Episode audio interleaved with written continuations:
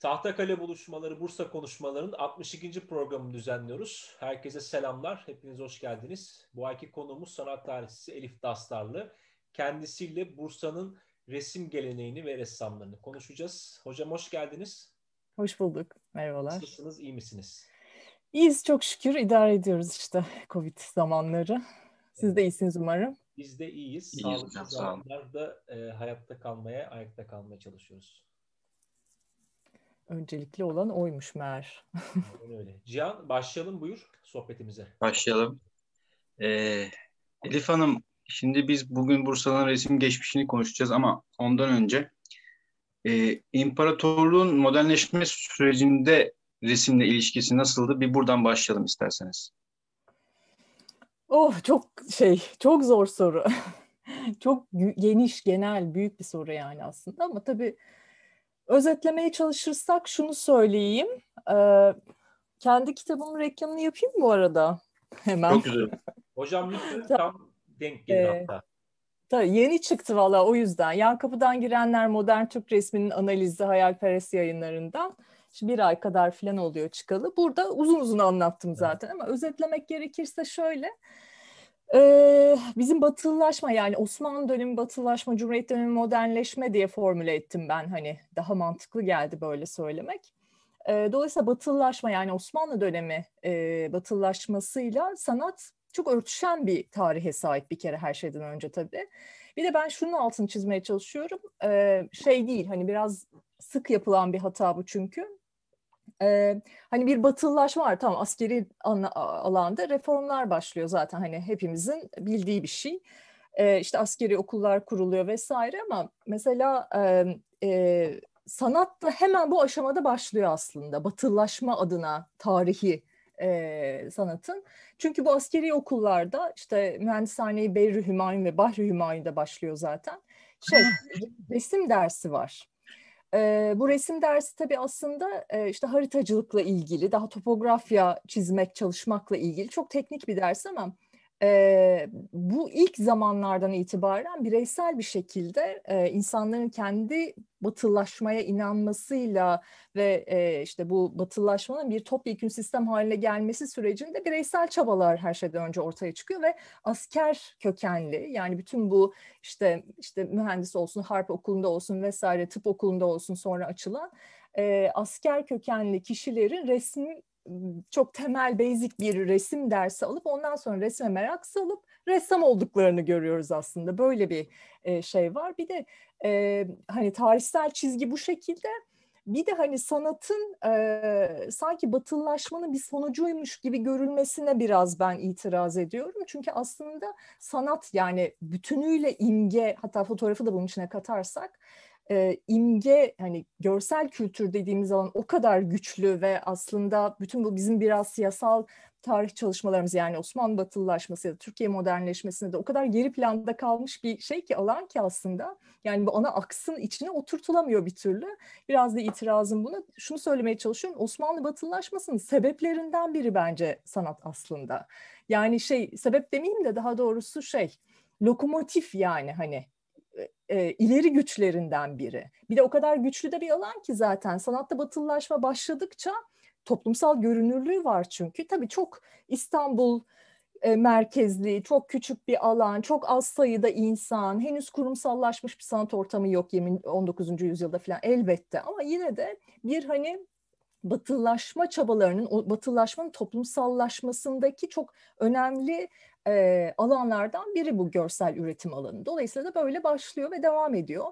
E tabii 1883'e kadar daha bireysel olan çabalar ondan sonra e, şeyle işte Sanayi Nefise Mektebi'nin yani devlet tarafından işte Güzel Sanatlar Akademisi'nin kurulmasıyla zaten resmiyet kazanıyor ve ondan sonra hız, hızlanarak da devam ediyor. Ee, yani çok özetle bunu söyleyebilirim. De, daha detaylandırmamı istediğiniz bir şey varsa açabilirim elbette. Şimdi İslam'da mesela bizim e, bildiğimiz suret resmi çizmek işte e, caiz değil. E, o e, batılılaşma hareketi sırasında çizilen resimler genelde neyi tasvir ediyor? E, tabii şimdi şöyle o da hani yasak sanılmış uzun bir süre ama değil. Hani bugün artık kabul edilmiş durumda zaten. Yani Kur'an'da bir yasak yok aslında. Daha kültürel bir şey, daha tarihsel kültürel bir şey olarak e, e, suret yasağı o da e, ve şey hani e, naturalist suret yasağı diye de hatta daha e, şey edebiliriz, tanımlayabiliriz spesifik. Bu, bu kültürel olarak yüzlerce yıl hani yapılmamış ama tabii ki bunda bir sürü istisnası da var hani. E, bütün şey, bütün İslam dünyasına baktığımızda. Anadolu'da da var bunun e, istisnaları. Ee, ama şöyle tabii resim batılılaşmayla bu batılaş batılaşan sanat da aslında bizde heykel değil resim tabii bir kere onu da söylemek lazım çünkü heykel daha işte o putla ilişkilendirilen bir üretim alanı olduğu için üretim şeyi formu o üç boyutlu işte e, vesaire e, o yüzden ona daha 20. yüzyılda falan geliniyor yani hani çok şey e, kamu, asla kamusallaşmayan bir şey 19. yüzyılda e, İttihat Terakki falan böyle ufak ufak girişimler var e, resim dolayısıyla ve e, manzara resmi çıkıyor tabii karşımıza. Yani figür resmi yapılamıyor. E, bunun farklı sebepleri var. Bir tanesi işte demin bahsettiğim o ilk kuşaklar, asker sanatçılar.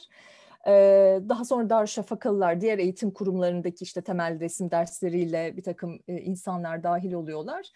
Başka mesleki alanlarda uzmanlaşırken sanat çalışanlar da yani onların bir kere şeyden hani manzara yapıyorlar. Tabii ki bu toplumsal çekinceler var. Yani figür resmine karşı kendilerinin de o çevrelerinin de muhtemelen bir bundan resim figür resmi yapmıyorlar, manzara yapıyorlar. İkincisi çoğunlukla fotoğraftan çalıştıkları için manzara çalışıyorlar. Çünkü fotoğraf hani daha figürü e, şey demeyen uzun kadrajlama isteyen biliyorsunuz erken dönem fotoğraflar figürsüzdür. Çünkü hareketi alamaz yani fotoğraf hani uzun pozlama süresi nedeniyle. Ee, bunun da sebebi tabii o yıldız fotoğrafları falan işte daha sonra e, bu asker ressamların fotoğraftan çalıştığını öğreniyoruz zaten. Saray çevresinden çekilmiş özellikle fotoğraflar işte 2. Abdülhamit döneminde de artarak devam eden. Bir de bu nedenle aslında daha çok manzara çalışıyorlar. Zaten işte birazdan konuşacağız. Bursa'da biraz burada şey yapıyor, öne çıkmaya başlıyor belki devreye. Yani şunu düşünebiliriz, Bursa çok önemli bir kent şey için, Türk resim tarihi için, özellikle bu erken dönem. E, çünkü çok fazla Bursa resmi var, hakikaten çok fazla. E, bunun da sebebi tam da bu işte aslında manzara resmi çok fazla ve Bursa manzarası da çok fazla.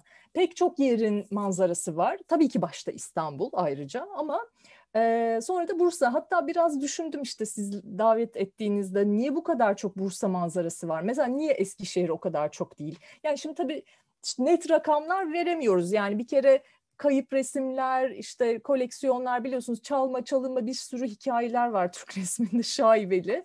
İşte özel koleksiyonları giriyor, orada kalıyor, kataloglanmıyor falan bilemiyoruz yani sayısını dolayısıyla ama ezici bir çoğunlukta manzara resmi çok uzun bir süre devam ediyor. Ee, ve e, burada da Bursa var. Ee, İstanbul daha fazla ama bence İstanbul'dan sonra Bursa geliyor. Ankara falan da değil yani hatta.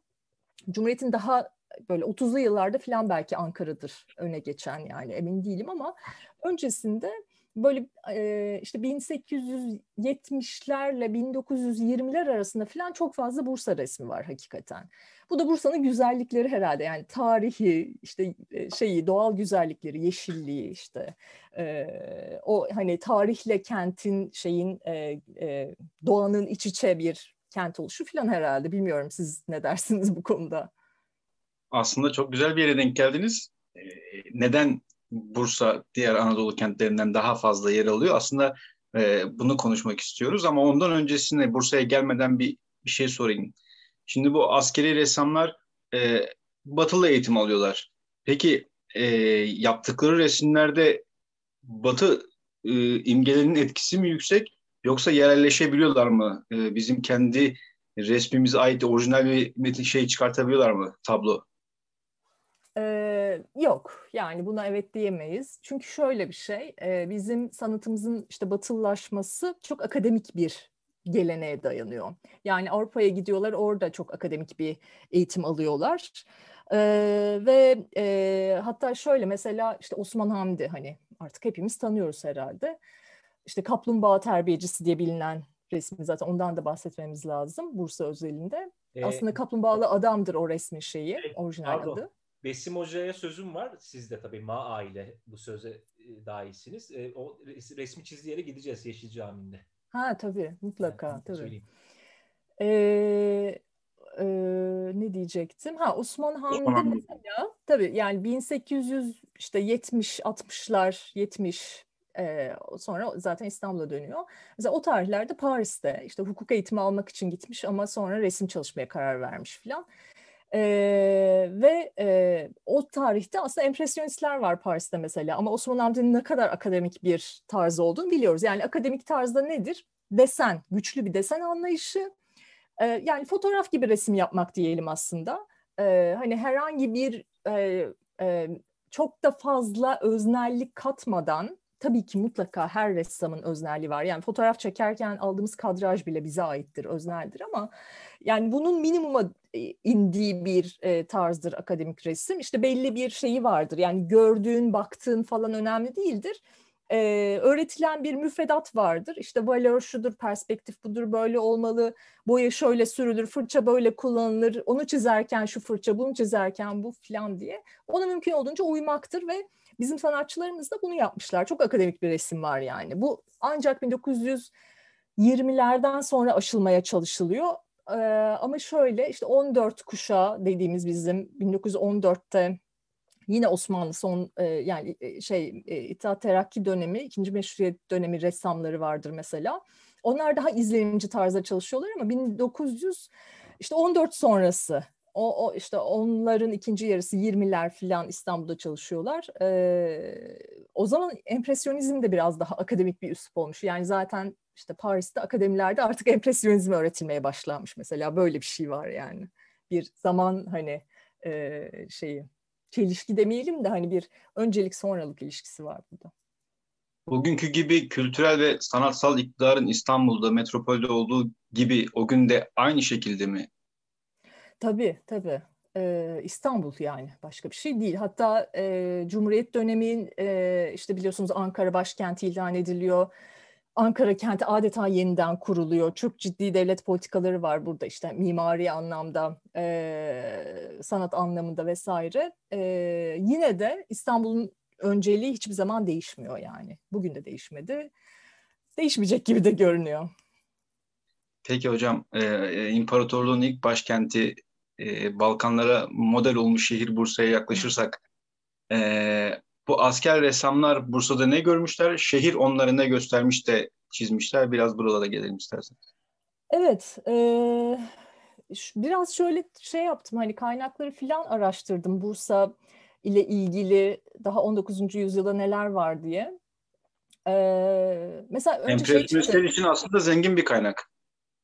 Tabii tabii mutlaka. Zaten onlar da çok fazla resmediyorlar dediğim gibi. İsimleri de söylerim birazdan. Bir şey var ama onu söylemek istiyorum. 1867'de mesela Paris Uluslararası Sergisi, evrensel sergi vardır yani. Bilmiyorum daha önceki programlarda konuştuğunuz mu? Hani tarihsel bağlamda belki üzerinden geçmiş olabilirsiniz. İşte bu Sultan Abdülaziz'in e, Avrupa'ya seyahati meselesi yani. E, işte Paris'e gidiyor, Viyana'ya gidiyor, Londra'ya gidiyor e, hani Napolyon'la falan görüşüyor yani çok ciddi bir şey devlet heyeti Osmanlı ilk kez savaş dışında Avrupa'ya gitmiş sultan. Orada işte 1867 Paris Evrensel Sergisi'ne katılıyor. O sergi çok önemli. E, padişah katıldığı için de çok önemli. Aynı zamanda Osmanlı'nın hani ülke pavyonları var biliyorsunuz ve e, çok büyük bir katılım, çok önem verdiği bir e, sergi. Yani başka sonrasında da tekrar katılıyor bu Paris Evrensel sergilerine ama bu 1867 Paris sergisindeki Osmanlı pavyonu Bursa Yeşil Camii örnek alınarak yapılmış bir pavyon mesela. O çok önemli. Onun fotoğrafları da var hatta. Bununla ilgili belki bilahare konuşmak istersiniz yani daha başka bir bu alanda mimarlık tarihçisiyle filan böyle bir şey var hani burada başlayan bir böyle Bursa'yı öne çıkarma o düzeyde. şimdi asker ressamlarla ilgili şöyle bir şey var. İlk karşıma çıkan isim Ahmet Emin oldu mesela bir topçu kaymakamı. Viyana'ya gönderiliyor şey için, sanat eğitimi için, yani eğitim için, sanat da öğreniyor tabii. Ondan sonra peyzaj yapıyor yani manzaralar yapıyor ve işte Eskişehir, İznik, Bursa, Bozüyük buralarda çok resimler yapmış. Albümler şeklinde bu resimlerini görüyoruz hatta. Bu şeyler asker ressamlar fotoğraftan çalıştığı için ama çoğunlukla bu resimler manzara, peyzaj ve figürsüz peyzajlar elbette. Az önce söylediğim nedenlerden zaten. Bir de figür çizmeyi de çok bilmiyorlar tabii onu da söylemek lazım. Yani şey değil hani figür öğrenmek bir, e, akademik anlamda çok önemlidir tabii ki ama bu erken dönem asker ressamlar dediğim gibi hani askerler ve ressamlar o yüzden de e, ikinci bir uzmanlık alanı daha böyle bireysel hobi ama o hobiyi biraz ilerletmek şeklinde e, resme yaklaştıkları için e, şey yapıyorlar yani çok ciddi bir figür eğitimleri yok bunu anlıyoruz çok hani o anlamda baş bir de işte figürsüz fotoğraflardan da çalıştıkları için zaten pek de şey yapamıyorlar. Figür çizmemişler. Hep manzaralar. Hüseyin Zekai Paşa var mesela biraz daha adı bilinen biridir. O da fotoğrafçılıkla çok fazla ilgileniyor.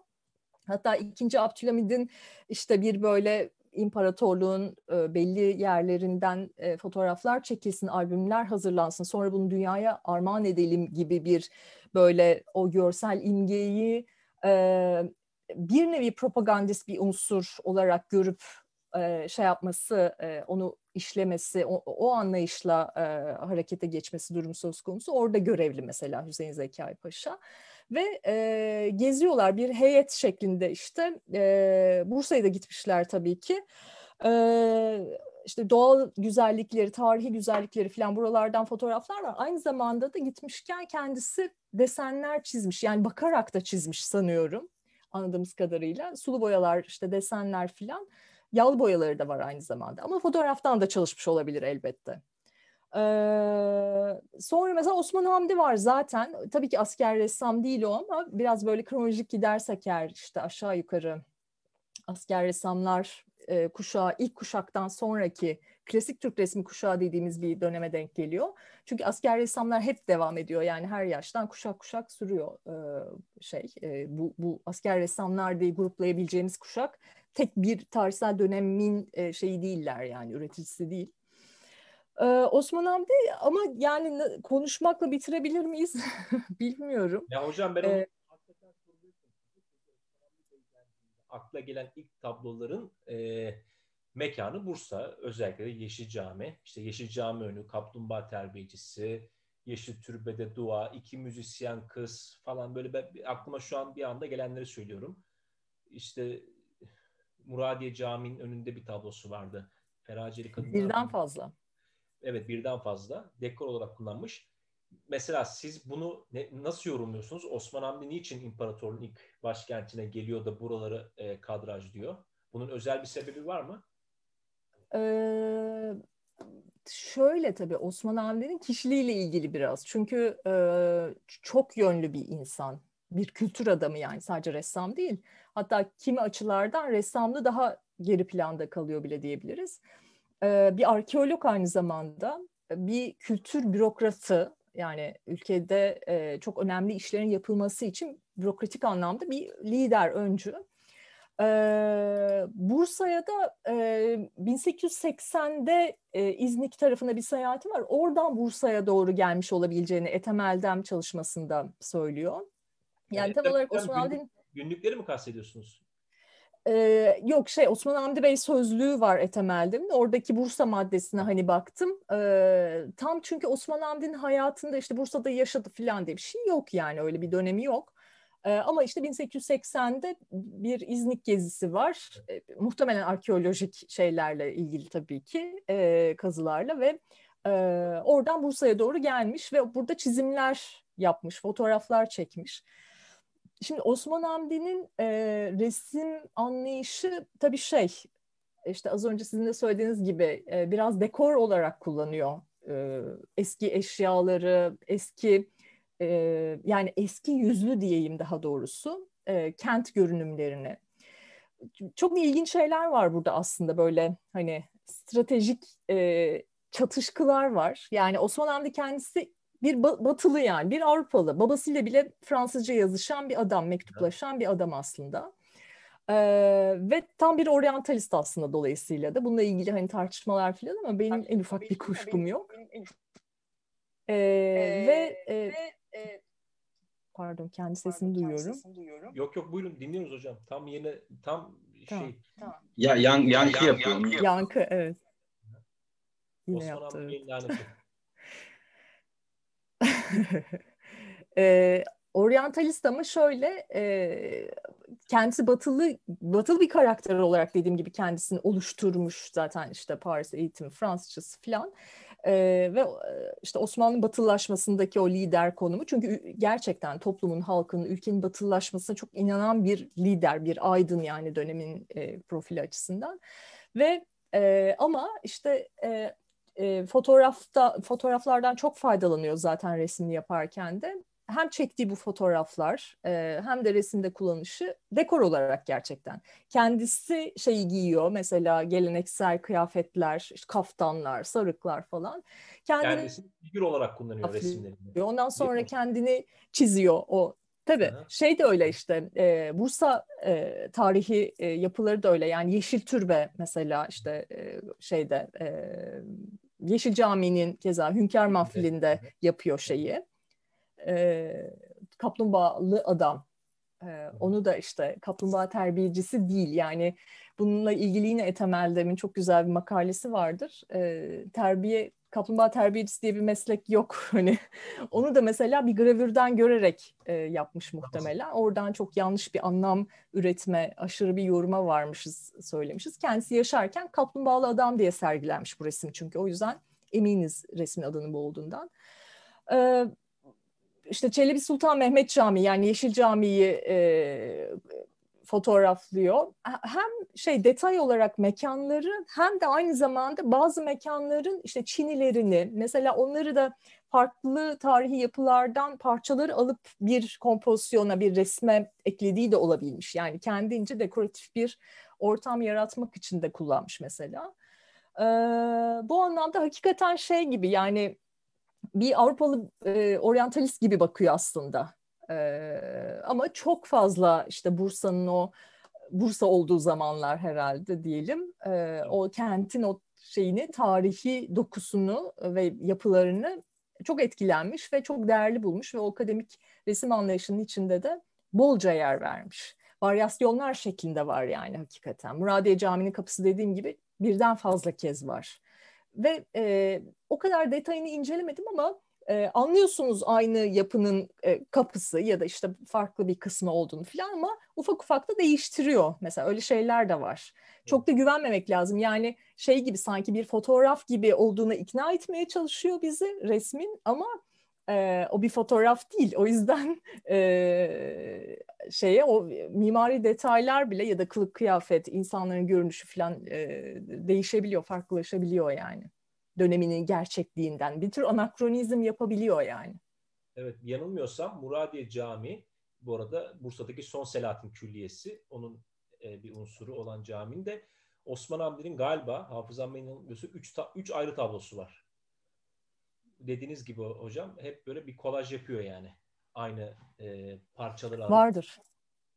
Tabii tabii. Resimleri çok de çok birbirinden ayıramıyoruz. Çünkü işte e, buyurun, resimlerde de şey e, çok spesifik konu yok. İşte cami kapısı önünde kadınlar, cami kapısı önünde konuşan hocalar, işte bilmem bilmem falan. Böyle gördüğünle tanımladığın için e, benziyor kompozisyonlar birbirine. Şeye tesadüf ettiniz mi hiç? Ferit Tevfik Paşa'ya. Ee, Evet ama e, ya onun zaten bu çok erken kuşak e, asker ressamlarla ilgili bilgimiz çok az hakikaten. Hem hayatları hem işte resimleri kaybolmuş, dağılmış. Ama Ferik Tevfik Paşa'nın da Bursa'da çalıştığına dair bir bilgi var. Şimdi yani acaba İstanbul Resim Heykel Müzesi'nde var mıydı resmi? Emin olamadım. Olabilir ama Bursa resmi çalışmış yani onu duymuştum daha önce. 1855 depreminden sonra Vefik Paşa e, Bursa'dayken e, tabii ki kendisi gibi modernist arkadaşlarından yardım istiyor şehri yeniden imar ederken. Ferit Tevfik Paşa da o sırada sürgünde. Onun biraz böyle magazinsel bir hayatı var. Onu bilare başka bir programda konuşuruz. Ee, Ulu Cami'nin mihrap süslemelerini yapan kişi Ferit Tevfik Paşa'dır.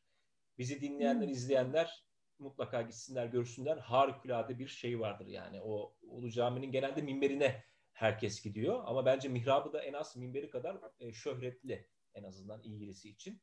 Benim bildiğim hocam Ferik Tevfik Paşa'nın Bursa ile alakalı e, en somut yapısı ve galiba tekrar ediyorum yanılabilirim şeydir. Ulu Cami'nin mihrap süslemesidir. Doğrudur. Yani şimdi hatırlayamıyorum ben ama evet muhtemel gelip görmek lazım. Şart oldu artık zaten. Eyvallah. Şey, Bir de hocam Pardon lütfen sen söyle. Ee, şimdi bu resim sanatına çok hakim değilim tabii. Ee, ressamlara da hakim değilim ama tanıdığım veya duyduğum birkaç ismin e, arka planında her zaman ya edebiyata merakı olan ya da edebiyatla uğraşmış insanlar oluyor. Bu edebiyatın sizce bir resme bir katkısı var mı? Of, yine zor bir soru. Ee, resim açısından bakarsam evet elbette. Ama bir edebiyatçının da belki konuşması lazım. Şey şöyle evet. önemli bizim tarihimizde tabii ressamlar ve edebiyatçıların arkadaşlıkları çok önemli. Ee, yani daha Cumhuriyet döneminden bildiğim örnekler var buna dair.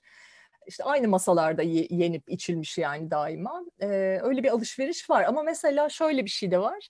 E, bunu isim vermeden söyleyeyim şimdi.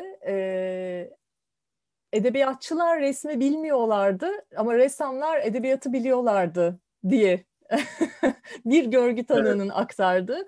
Bana da mantıklı geldi. Yani baktığımda hani üretimlere falan ya da ressamları da tanıdığımda. Yani biraz daha şimdi çok ağır bir laf ama ressamların biraz daha entelektüel bir evrensel bir entelektüellik e, şeyiyle e, penceresiyle daha rahatça bakabildiklerini falan söyleyebilir miyiz acaba? Şimdi ben ben söyleyebilirim çünkü ben resim çalışan bir sanat tarihçisiyim. iddia ediyorum yani ister, isterse bir edebiyatçı bunu çürütmek için çabalasın. E, ben bana biraz Nazım öyle geliyor Hikmet'le, yani. Nazım Hikmet'le İbrahim Balaban arasındaki ilişki bozmaz mı bunu? E, bozar ama çok istisna tabii ki. Şimdi Nazım'la kimi karşılaştıralım yani evet. elbette. Evet. Balaban da sonradan ressam olmuştur tabii. Yani biraz bizim e, resim sanatı tarihimizde de biraz daha hobi gibi ilgilenen e, şeyinde e, kalır aslında.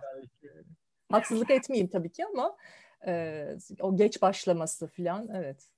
Bu edebiyat ressam muhabbeti e, Cihan şey yapınca aklıma şey geldi. Bedri Rahmi Eyüboğlu hem şair hem ressam. Siz demişler muhabirin bir ressam mısınız, şair misiniz? Şairlere sorarsanız ressamım, ressamlara sorarsanız şairim demiş. Çok doğru. Öyle bir nüktesi aklıma geldi. Kesinlikle ressam bence. yani evet ama bir o kadar da yine bence çok güçlü bir de bir şair. Yani az önce ben bir bakmıştım yayından önce kitaplı kitabı var yani toplu şiirler. Yani çok da güzel şiir yazıyor. Evet ressam evet. ama çok da büyük şiir. Demek ki bu arasında güzel bir bağlantı var. Tabii. Mesela hatta onunla ilgili şey not almıştım. İşte hatta Bursa'yla da ilgili işte yine kaynakları tararken bu İş Bankası'ndan çıkan Ömer Şerifoğlu'nun hazırladığı Ömer Faruk Şerifoğlu'nun e, Bedri Rahmi kitabında şey var. Ahmet Hamdi Tanpınar'ın Bedri Rahmi Eyüboğlu'nun bir sergisiyle ilgili yazdığı bir yazı var mesela hani edebiyatçı, sanatçı, e, edebiyat sanat ilişkisini Ahmet Hamdi Tanpınar'ı da koymak lazım tabii ki. Çünkü bütün şeylerin, ressamların arkadaşı dönemin, hatta hocası işte e, estetik dersleri veriyor akademide falan. Ee, ve aynı zamanda da hani kurumsallaşmış bir sanat yazımı eleştirisi alanı falan olmadığı için ve tabii ki o dostluk ilişkisinden de e, kaynaklanan bir şekilde ressamların yaptıkları e, işte e, daha çok da sergileri hakkında yazılar yazıyor. E, şey var işte Bedir Rahmi ile ilgili yazdığı bir yazısı var. Hatta burada aldım isterseniz okuyabilirim biraz. Tabii. 1946'da Ülkü'de çıkmış bir şey bu yazı bir sergi yazısı sanat değerlendirmesi dediğim gibi Bedir Rahmi'nin ya şeyde Bedir Rahmi'nin sergi şeyine tarihçesine baktığımda ya Narmanlıhan'da 1945'te ya da çok daha büyük bir ihtimalle Ocak ayında 1946 Ocağı'nda Ankara Halk Evi'nde açılmış bir sergi vesilesiyle yazmış Tanpınar. Şöyle söylüyor, e, fakat ben Bedri'ye bu sefer bir başka taraftan da minnet duyuyorum. Bu sergisindeki eserlerin çoğu Bursa'da yapılmış olanlardır. Onun sanatının büyüsünü ilk Gazalar Diyarı Bursa idare ediyor. Bu suretle sergi bir resim sergisi olmaktan adeta çıkıyor. Tıpkı Ebu Ali Sina hikayelerinde olduğu gibi iki büyücünün birbirleriyle karşılaşmasından doğan bir nevi kozmik hayretler dünyası oluyor. Bursa kendi cevherini ressamdan kaçırmak için bütün tarihini, kaplıcalarını, genç kız edalı ovasını unutuyor. Bir manav dükkanı, bir nalbandın kıskacı önünde kıvrılmış bir öküz, bir cami kubbesi hülasa bin türlü şey oluyor. Kalıptan kalıba giriyor. Manadan manaya değişikliklerde onu takip edebilmek için o da değişiyor. Sanatı kah sadece kıvrak bir desen, kah bir asma yeşili, kah duru bir gök mavisi oluyor. Burada bir köy düğününün saf musikisini taklit ediyor. Ötede açık havaya bir sıcak halvet buğusu koyuyor. Hülasa eşya ve tabiata ne yaparsan yap seninle barışacağım diyor. Falan filan daha uzun. Bursa bizim için eski Arap hikayecilerinin yazmasını unuttu veya Füsun'un tanımadığı bir binbir gece oluyor. Bu Bedri'nin mazhariyetidir diye devam ediyor. O kadar güzel yazmış ki yani zaten hani e, işte evet o da Tanpınar yani tabii ki. Tanpınar fetişizmi diye. Ürün yerleştirme yapalım. Cumhuriyete gelirsek biraz peki. Şefik Bursalı, Hale Asaf. Tabii tabii. Ee, çok var. Hatta Cumhuriyet'ten önce işte 14 kuşağı dediğimiz o e, Çallı kuşağı, işte Meşrutiyet kuşağı dediğimiz sanatçılar da yani tam zaten Cumhuriyet'e geçiş döneminde e, şeyler en e, hakim olan bir e, kuşak ve e, şey akademide de hocalar zaten e, Cumhuriyet ilan edildiğinde. E, bir kere İbrahim Çallı var başta zaten. E, işte Bursa'da Muradiye'de çalışmış. İkinci Murat Türbesi'nin türbesinden çok etkilenmiş resimler yapmış Şefik mesela. Şefik Bursa'nın hocası değil mi? E, sanıyorum öyleydi evet evet. E, ve e, tabii şey daha izlenimci bir tarzda çalışıyorlar dolayısıyla da hani artık biraz daha açık havaya çıkıp çalışabildikleri için de daha şey o nasıl diyelim daha göze hoş gelen peyzajlar ortaya çıkmaya başlıyor tabii ki bu kuşakla birlikte. Daha ışık ve rengin böyle türlü oyunlarıyla vesaire. Namık İsmail var mesela onun da Bursa resimleri var. E, Namık İsmail'in e, sanayi nefisi encümenliği yaptığı dönemde Bursa'da bulunmuş ol, olabileceğini tahmin ediyoruz. Bu da e, e, şey oluyor, sanayi nefisi encümeni kuruluyor 1926'da. E, Marif Vekaleti tarafından işte mimaride, tiyatroda, musikide, resimde e, uzman kişilerden oluşan bir ekip bu yani. Hatta Atatürk Bursa'da onları kabul ediyor. Bu sırada işte Namık İsmail de Sanayi Nefisi Encümeni olarak Atatürk'ün huzuruna Bursa'da çıkıyor ve o dönemde de Bursa'da çalışmış olabilir. Yani biraz bu sanatçıların Bursa'da ne zaman bulunduklarını, ilişkilerinin ne olduğunu filan e, bakmaya çalıştım da tarihsel olarak. Hala Asaf ke keza. Artık şey ama onlar e, Çallı Kuşağı sonrası onların öğrencileri olan işte e, müstakil ressamlar ve heykeltıraşlar birliğini kuran e, sanatçılar e, Cumhuriyet'in ilk kuşağı, ilk e, gençleri. E, Hala Asaf da e, şeye Asaf gidiyor. işte Değil mi? Nasıl? Çok sevmiyor Bursa'yı, yakınıyor galiba. Evet evet. E, çünkü şöyle çok çocukluktan gelen kaynaklanan bir şey. Bir kere paşa kızı zaten yani böyle İstanbul'un e, öyle bir ailesinin. E, ama o işte Osmanlı bitti Cumhuriyet başladı. Bir sınıfsal şeyin çöküşü döneminin e, e, kuşağı kızı yani. E, babası paşa. Ya da melankolik bir ruhu var zannediyorum. Biraz hastalık nedeniyle olduğu artık anlaşılmış durumda e, çok ağrılı falan işte bir takım böyle e, şeylerle e, zor bir hayat yaşamış. Zaten genç yaşta da ölüyor Paris'te. E, o e, eğitim için gönderiliyor. Devletin böyle bir şeyi var biliyorsunuz. Eğitim için Avrupa'ya gönderiyor. Döndükten sonra da hizmet bekliyor ondan. E, akademide normalde görevlendiriliyordu o döneme kadar işte çaldı kuşağı falan ama artık akademide bir eğitmene ihtiyaç olmadığı için ve biraz çaldı kuşağı orayı ele geçirmiş durumda kendilerinden sonra biraz da üslupsal olarak kendilerine karşı çıkan öğrencilerinin daha modernist çünkü böyle modernist estetiğe hani şey o izlenimciliği çok beğenmeyen, onu aşmaya çalışan bir modernist estetiğin peşinde olan bir kuşak artık. onları şeye almıyorlar akademiye ve onlar da dolayısıyla işte artık Anadolu'da filan da açılmakta olan, açılmış olan işte liselere orta öğretim okullarına yani e, öğretmen olarak gidiyorlar. İşte hala Asaf da Bursa'ya gidiyor, görevlendiriliyor böylece. Ve tabii ki çalışıyor, hani resim çalışıyor. Hem öğretmen, e, Fransızca da öğretiyor hatta bu dönemde. E, ve fakat işte şey oluyor, e, bunu biliyoruz yani şeyin anılarından e, daha sonra Mahmut Cüda'nın. Çünkü Mahmut Cüda ile yer değiştiriyorlar daha sonra. Mahmut Cüda İstanbul'da akademide yer bulabilmiş kendisine. E, Hala Asaf böyle e, sokakta resim yaparken e, halkın şeyine uğruyor yani e, gazabına uğruyor ve düşüyor bayılıyor filan. Bu birden fazla kez hatta başına gelmiş. E, dolayısıyla da Mahmut Cudali biraz böyle yer değiştiriyor. Hala safta bir de kadın olması önemli tabii burada. E, onu da söylememek e, lik yapmayalım yani söylemezlik yapmayalım. İlk Türk kadın ressam mı? Yok böyle ilkler demeyelim lütfen. Evet, yani bir şey ilk e, çok zor. Yani kayıt altına alınmış ilk bile ilk olmayabilir çünkü biliyorsunuz. Değil değil. E, daha şey Mihri Müşfik diye bildiğimiz Mihri Hanım'la karıştırıyor olabilirsiniz. O ilk diye biliniyor genellikle. O şeyi çünkü teyzesi e, evet. şeyin e, Hala Asaf'ın. E, Hala Asaf Bursa'da e, biraz böyle toplum baskısı çünkü hani kamusal alanda resim çalışırken görüldüğü için aslında genç narin bir kadın ve e, narin yapılı falan böyle hani halinden e, anlıyoruz fotoğraflarından bile. E, ve e, düşüyor bayılıyor falan yani şey işte resim yaparken e, zorbalığa uğradığı için. E, işte şeyle e, yer değiştiriyorlar Mahmut Cüda ile ama bu arada şöyle bir anekdottan bahsedecektim. 1926 yılında fotoğraf çekmekle ilgili şöyle enteresan bir olay var. İstanbul'da yaşanıyor aslında. 1924'te Darülfünun'da e, şey yapıyor. E, 26 dedim galiba pardon 24. E, Darülfünun bahçesine bazı öğrenciler fotoğraf çekmişler. E, Darülfünun hocaları bunu günah sayarak onları jurnalliyorlar ve ceza veriyorlar hatta bir de. E, bu da olay büyüyor tabii herhalde gazetelere falan yansımış. E, Atatürk'ün kulağına kadar gidiyor Mustafa Kemal'in. O da o zaman Bursa'da bir e, şey veriyor hani halka konuşuyor ve e, bu konuşmada şey de söylüyor. Fotoğraf çekmenin yasak olmadığı, günah olmadığı üzerine bir şeyi var yani e, vurgusu var.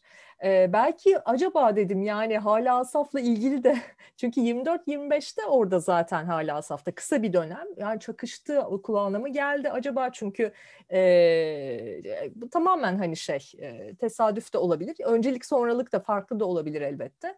Ama şunu anlıyoruz yani Cumhuriyet ilan edilmiş hala e, işte akademi açık, hocalar devlet destekliyor vesaire. Resimle ilgili çok ciddi e, girişimlerde de bulunacak hatta daha sonrasında devlet ama halkın gözünde, halkın nezdinde hakikaten ciddi bir tabu. Hani konuşmanın başında söz ettiğimiz o figüre karşı özellikle ve e, şey üretme o resim şirk koşmak gibi görüyorlar hakikaten her türlü üretimi. O yüzden de bir şey var. Hoş karşılamama durumu var ve bu çok zor aşılıyor Anadolu'da özellikle gerçekten. E, Gazi'nin galiba 1925'te tarihte yanılıyor olabilirim ama heykelle alakalı fikirlerini anlattığı yerde Bursa'dır yine. Belki hepsi bir hmm. için yani hepsi de aynı hikayenin e, parçaları parçası olabilir. olabilir. Evet, daha detaylı bakmak lazım. Evet. Aynen öyle.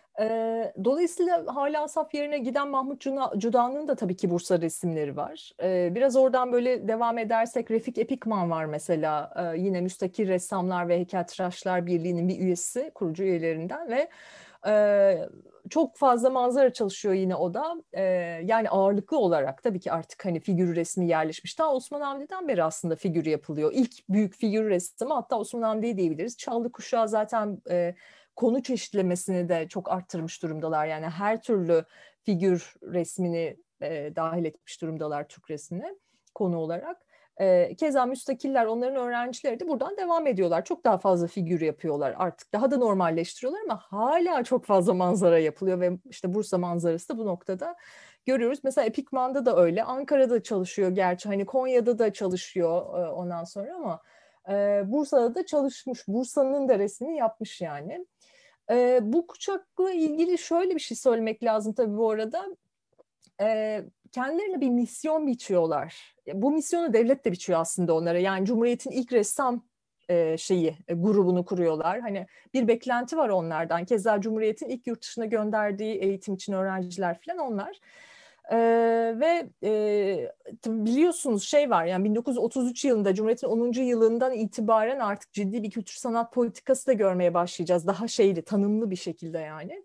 Ondan önce çok hani başka hani daha elzem şeylerle, hayati şeylerle ilgilenilmiş ama e, sanatta dair de bir beklenti ortaya çıkmaya başlamış durumda. Bu böyle şey hani e, bireysel düzeyde belki liderlerin, işte Atatürk'ün sonra İnönü'nün filan e, çabalarıyla tabii Atatürk ölmeden önce özellikle de onun bu erken dönemde e, bir sanata dair bir beklenti var. Her türlü söylemde falan da işte karşımıza çıkıyor. Çünkü o batılılaşma, modernleşmenin e, bir yüzü aslında e, sanat ve bir hani propaganda olarak da kullanılabilecek bir araç. Osmanlı'da da kullanılmıştı bu zaten.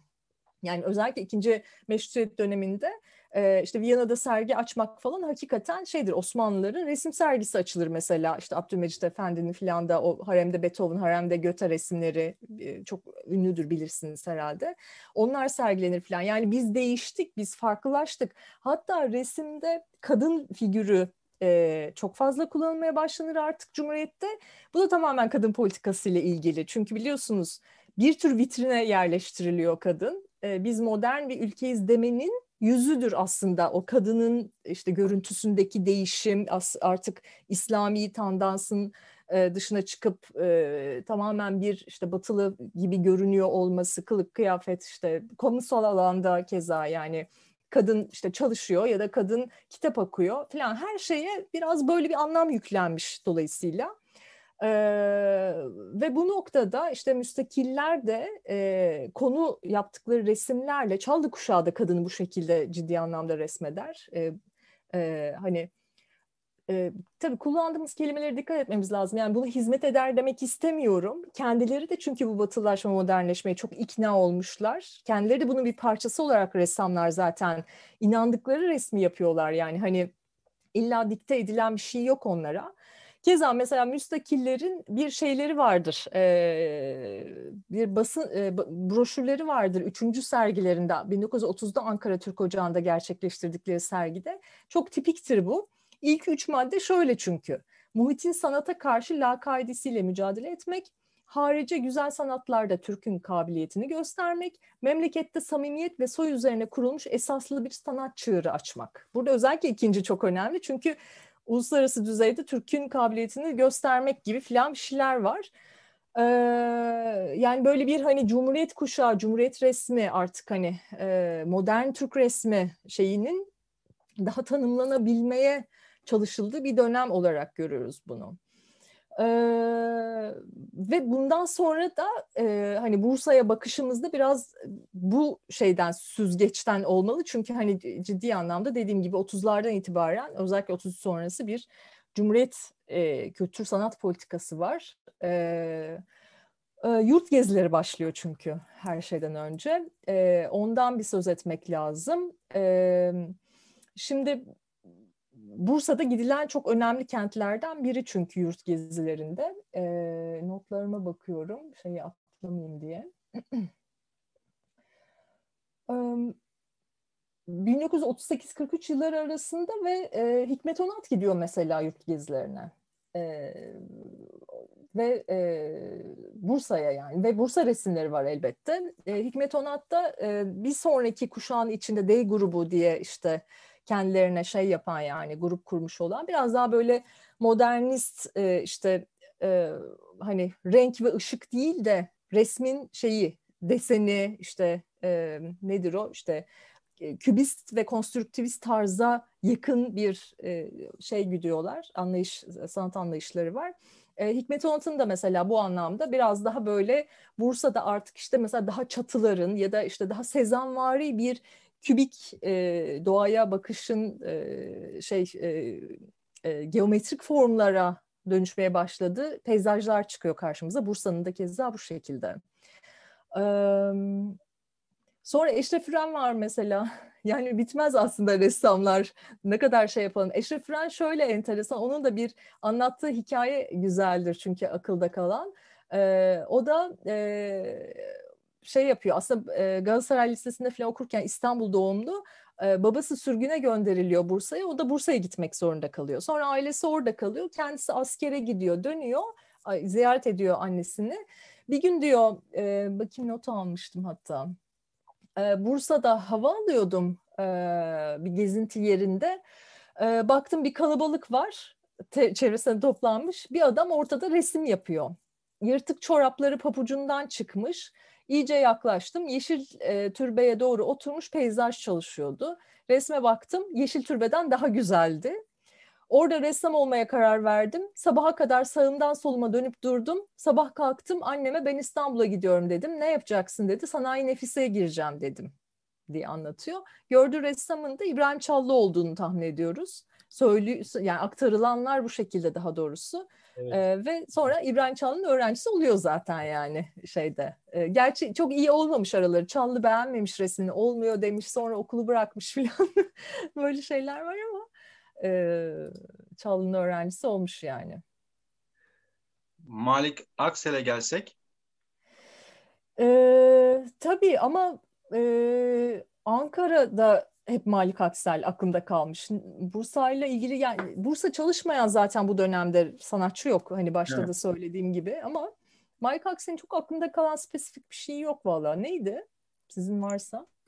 Malik Aksel'in de Bursa resimleri yine saydığınız e, repertuarda yani bir ressam olarak onun da güncesinde Bursa var. E, Şefik Bursa Hatırlayamadım. En azından şeyi var. E, bir şehirle ünsiyeti var. Cihan belki o yüzden sormuştur soruyu. Hmm. Ben şeyi de mesela Oraya... pardon şey söyle söyle sen sor ben sonra sorarım. Bu hani resmettiniz ya Çallı'ya bakıyor falan. Benim aklıma şey düştü.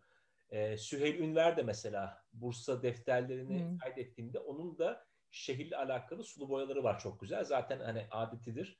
Hemen sulu boya takımını çıkarır ve olduğu yerden e, hemen çizermiş. İşte Pınarbaşı, Üftade Cami Türbe, Emir Sultan, Yeşilep benim aklıma ilk gelen Süheyl Ünver'in sulu boyalarıdır. Aklıma geldiği için kayda girsin diye onu da paylaşmak istedim. Evet, evet. Ya sen... güzel, teşekkür Şeyi diyorum, şimdi iki soruyu bağlayarak e, şeyde bir öncesi yani Cumhuriyet öncesi ve Cumhuriyet sonrası dönemde Bursa'da resim eğitimi ne durumda? He, hangi okullar var, hangi okullarda nasıl eğitim veriliyor e, Türkiye ve Batı'ya kıyaslarsak? İkincisi bu kısımda mesela gelen bir Leopold Levi diye bir adam var. Bursa'da atölye kuruyor. Ondan da biliyorsanız bilgi verirseniz sevinirim. Tabii. E, Leopold Levi e, şu Fransız bir ressam. E, 1936'da akademiye çağrılıyor. E, resim bölümünün başına getiriliyor. E, hatta akademide biraz böyle karşı çıkışlar oluyor filan. E, ama ciddi anlamda akademide bir reform yapıyor aslında. 1936-50 yılları arasında resim bölümünün başkanı. O şeyi e, işte Çallı kuşağı, ikinci meşrutiyet ressamlarının e, o izlenici tarzını filan e, şey eden, e, bozan, yıkan bir adam yani. Akademide başka tür bir çağ başlatıyor adeta. E, Levi'nin e, marif vekaletine hazırladığı bir rapor var 1944'te. E, aslında şöyle genel bir rapor diyor ki akademiye bağlı olarak Anadolu'nun farklı şehirlerinde e, resim okulları kur, kuralım. Atölyeleri belki hani çok büyük sanayi nefise kadar yani Devlet Güzel Sanatlar Akademisi kadar dört başı mamur bir okul değil belki ama bir kere zaten hem e, akademi mezunlarına istihdam sağlamak için muhtemelen ve bir e, şey olarak anlıyorum ben bunu. E, yüksek okul olarak anlıyorum aslında. Çünkü zaten şey var. Ortaokul, orta öğrenim yani ortaokul, lise e, dediğimiz düzeyde resim dersleri var pek çok ressamı Anadolu'nun dört bir iline işte az önce söylediğim gibi o kendileri de görevlendiriliyor. Devlet bursunu karşılamak için de zaten e, Anadolu'da çalışıyorlar. E, ya da işte bir şekilde zaten sanattan para kazanmak mümkün olmadığı için hocalık yapacaklar. E, bunu da işte devlet te başvurup çeşitli okullarda edebiyatçıların da olduğu gibi aslında Anadolu'da çalışarak yapıyorlar. Bursa'da da keza var. Demin saydığım ressamların arasında zaten dediğim gibi şey var. Bursa'da lise düzeyinde de dersler vermiş olan. Bu Bursa Resim Akademisi atölyesi biraz daha dediğim gibi şey yüksek okul düzeyinde. Ve e, işte hatta şey diyor bir takım yani bir proje hazırlamış aslında böyle işte gidilir diyor oralara da ziyaret edilir falan işte belki o sergiler bir şekilde ortak organize edilir vesaire. Ee, ve e, Bursa'da kuruluyor bu değil mi? Yani şunun farkındayız tabii bu çok hayata geçirebilmiş bir proje değil. Tıpkı şey gibi aslında Cumhuriyet ilan edildikten sonra hani arka arkaya bir sürü kentte arkeoloji müzeleri açılıyor hızlı bir şekilde çoğu arkeoloji olmak üzere müzeler açılıyor. Yani sanat müzeleri de açılmak istenmiş ama başarılamamış. Yani bu biraz böyle e, şey e, idealist bir proje olarak kalmış. Ee, tabii bunu Cumhuriyet'in şey politikasıyla bağdaştırmak lazım. İşte tıpkı yurt gezilerinde olduğu gibi işte İstanbul'a e, sığınmış kalmış ve biraz da Ankara'ya taşınmakta olan Ankara'daki sanat bile İstanbul'dan taşınarak götürülüyor gerçekten. Ee, yayalım Anadolu'ya. Çünkü biliyorsunuz şey var hala halkın aydınlanması lazım, öğrenmesi lazım. Sanat da bunun bir e, şeyi, e, güzel bir alanı. E, dolayısıyla e, böyle bir Anadolu'ya yayılalım, Anadolu'yu da eğitelim, öğretelim e, ve işte bu şey e, imge yasağı ya da hoş görmeme, buna karşı tabuları yıkalım gibi bir anlayışla e, söz konusu olmuş olabilir. Lenin'inki biraz daha e, daha profesyonel düzeyde yani bu anlayışla örtüşür bir şekilde e, ve Bursa'da da kuruluyor yanlış bilmiyorsam ama ondan sonra hakikaten e, ne oldu, nereye gitti bilemiyorum. Yani pek bir iz bırakmamış bizim sanat tarihimizde. Şey olamamış yani, yerini bulamamış ve başka bir ilde de görmüyoruz galiba. Yanlış bir şey söylemek istemem ama e, benim karşıma çıkan böyle bir şey yok yani, e, başka bir örnek. Eyvallah. Bu arada bir öneri olarak da kalmış olabilir bu arada Bursa'da. Hani kurulduğundan da emin değilim yani. Eyvallah. Şeyi de ben anmak istiyorum. E, İsmet Paşa'yı severim ben. Dolayısıyla ressam, heykeltıraş Sabiha Bengütaş'ı da e, analım saygıyla. Mudanya'daki o mütareke binası evini bilirsiniz haliyle. Onun tam karşısında Ferik İsmet Paşa'nın böyle çok e, bence çok güzel bir heykeli var. Onun da yapanı, tasarlayıcısı şeydir e, Sabiha Hanım. Sabiha Bengütaş. Kendisini hmm. de almış olalım bu vesileyle. Bursa'ya böyle güzel evet. ve değerli bir e, çağdaş iz bıraktığı için. Evet. E, Şefik Bursalı'dan da bahsedelim son olarak istiyorsanız yani, hani. Yani şey az solistler en son çıkıyormuş ya Şefik. Ee, evet tabii biraz yaşı itibariyle de ben sona bıraktım daha sonraki bir kuşak olduğu için daha şey e, 1900'lerin başına doğuyor 1990'da ölüyordu yanlış hatırlamıyorsam e, tabii Bursalı bir ressam. O yüzden soyadı Bursalı. Bursa'da doğmuş zaten yani. E, Sanayi Nefise'ye gidiyor. Yine Çallıların filan öğrencisi oluyor elbette. Sonra işte Avrupa konkurunu yani sınavı kazanarak Paris'e gidiyor.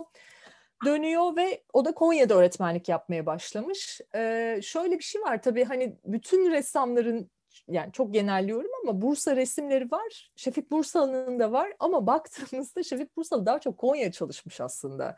Burada öyle ilginç bir şey var. Herhalde orada yaşadığı için yani uzun yıllar. Bursa yerine daha çok Konya'da görüyoruz Şefik Bursalı'yı. Ee, ve şey yapıyor tabii e, yurt gezilerinde de Kocaeli'ne gidiyor, İzmit'e gidiyor ee, ve e, manzaralar çalışıyor yine hayatı boyunca. Bursa manzaraları da var tabii ki önemli yine şey var mesela söylemek gereken Ankara'da yaşadığı ev bir müzedir Bursalı'nın. Müzeye dönüştürülmüş durumda yani.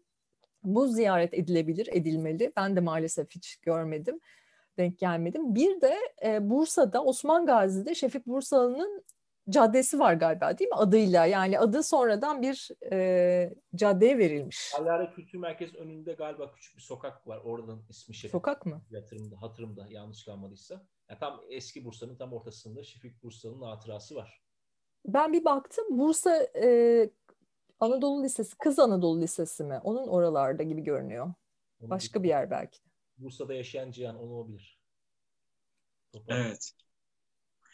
Bir de Kültür Bakanlığı her yıl adına şey düzenliyor, resim yarışması düzenliyor. Eyvallah. Öyle mi? Hala. Evet. 2000 yılından beri. Hmm.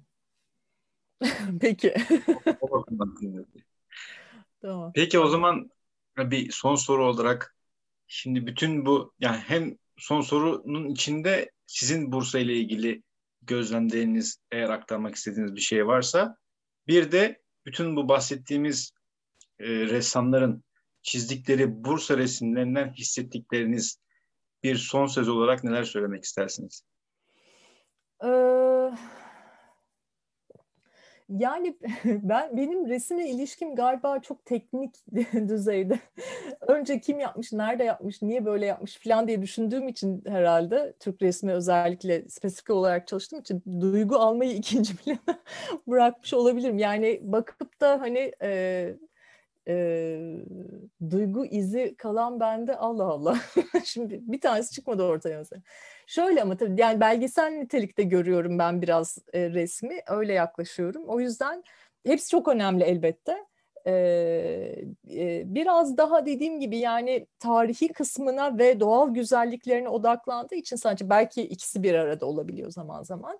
Ee, bir mesela şey gibi bakabilir miyiz diye düşündüm yani Bursa resimlerine e, bizim sanat tarihimizdeki e, hani böyle bir tür belgesel nitelikli e, fotoğraf gibi değil de aslında dönemin kaydının bir ressam tarafından tutulması gibi. Yani o dönemin hani havasını soluyan, işte e, göğüne bakan, insanını gören filan insanın e, yaptığı bir kayıt olarak e, belki böyle ayrıca bir gözden geçirmek lazım. Yani hani şimdi sadece bir soru olarak ortaya attım.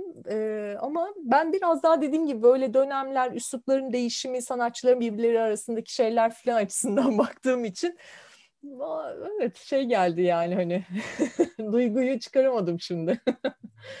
ee, şey ama kendim Bursa ile ilişkim çok severim ben Bursa'yı tabii ki. Fakat şöyle de bir şey olmuştu. Tabii bunu duyuyorsunuzdur herhalde.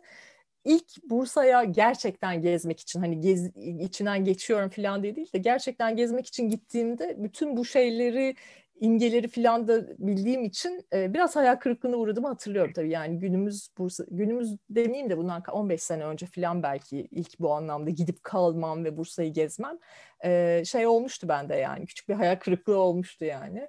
E, çok bulamıyoruz biliyorsunuz şey hani 50 yıl önceki bir fotoğraftaki yeri bile bulmak, aramak filan. Az bir yerde baş, sahneler var eski Bursa'nın böyle çok az e, sokaklarında dekor olarak bayağı bir arkeolojik kazı yapmanız lazım şehri gezerken. Onun, hmm. onun haricinde dediğiniz doğru. 15 sene önce yine iyiymiş. Şimdi daha kötü. Değil mi Cihan? Tabii. Biz her gün yaşıyoruz o hayal kırıklığını. Evet. Ben şey dedim onu en güzel dönemlerinin yani son güzel dönemleri diyeyim. En güzel demeyeyim yanlış cümle kurdum. Son güzel zamanlarını Besim Derlioğlu'nun rehberliği dönemine de denk düşüyor 90'larda. Onu da söyleyeyim çünkü hocayla konuşmuştuk bu konuyu. Dolayısıyla daha böyle işte daha az betonun daha fazla görece yeşilin olduğu dönemlerdir 90'ların başı. Evet. Tabii Bursa'nın o eski halini bilince en azından fotoğraflardan filan dediğim gibi e, o tarihi doku, e, doğal güzellikler, yeşilliği, yeşil Bursa ve işte hani şeyi mesela çarşısı değil mi hani işte o canlı şey ticaret ve yaşam hayatının çok iç içe olduğu bir kent.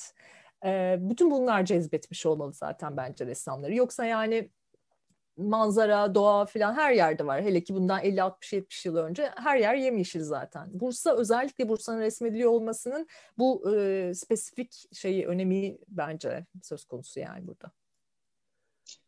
Ben size teşekkür etmeden önce bugün hala e, Bursa'yı çizen, Bursa'da yaşayan veya Bursa doğumlu bazı ressamlar var. Onların bir isimlerini geçirmiş olayım. En evet. azından bir katkılarını alalım.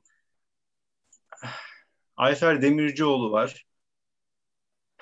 Aynur Akalın, Cüneyt Şanyavaş, Ertuğrul Topsakal, Evrim Sırmalı, Gülbin Şah Çeliker, İmre Erten, Metin Karanisoğlu, Necat Doğramacı, Nurten Köylü Beytekin, Süleyman Çete, Süleyman Şahin, Veysel Çeliker bu gibi isimler bugün hala Bursa'yı çizmeye devam ediyorlar. Onlara da teşekkür ederim Bursa adına. Kendilerine medyunu şükranız bu anlamda evet. Size de teşekkür ederiz hocam. Hoş, ee, iyi ki geldiniz. Bizi güzel Sağ. Teşekkür Sağ olun. ederim. Sağ olun. İyi ki çağırdınız. Hocam çok olduk. teşekkür ederiz. Bizim için önemli bir kayıttı. Bursa'nın resim geleneğini ve ressamlarını konuşmak. Siz de e, bu sohbet ettiğiniz için de ayrıca memnun kaldık. Çok çok teşekkür ederiz. Bir mukabele. Üsküdar ve Bursa'dan Sakarya'ya selamlar diyelim. Görüşmek üzere. Hoşçakalın. Hoşçakalın.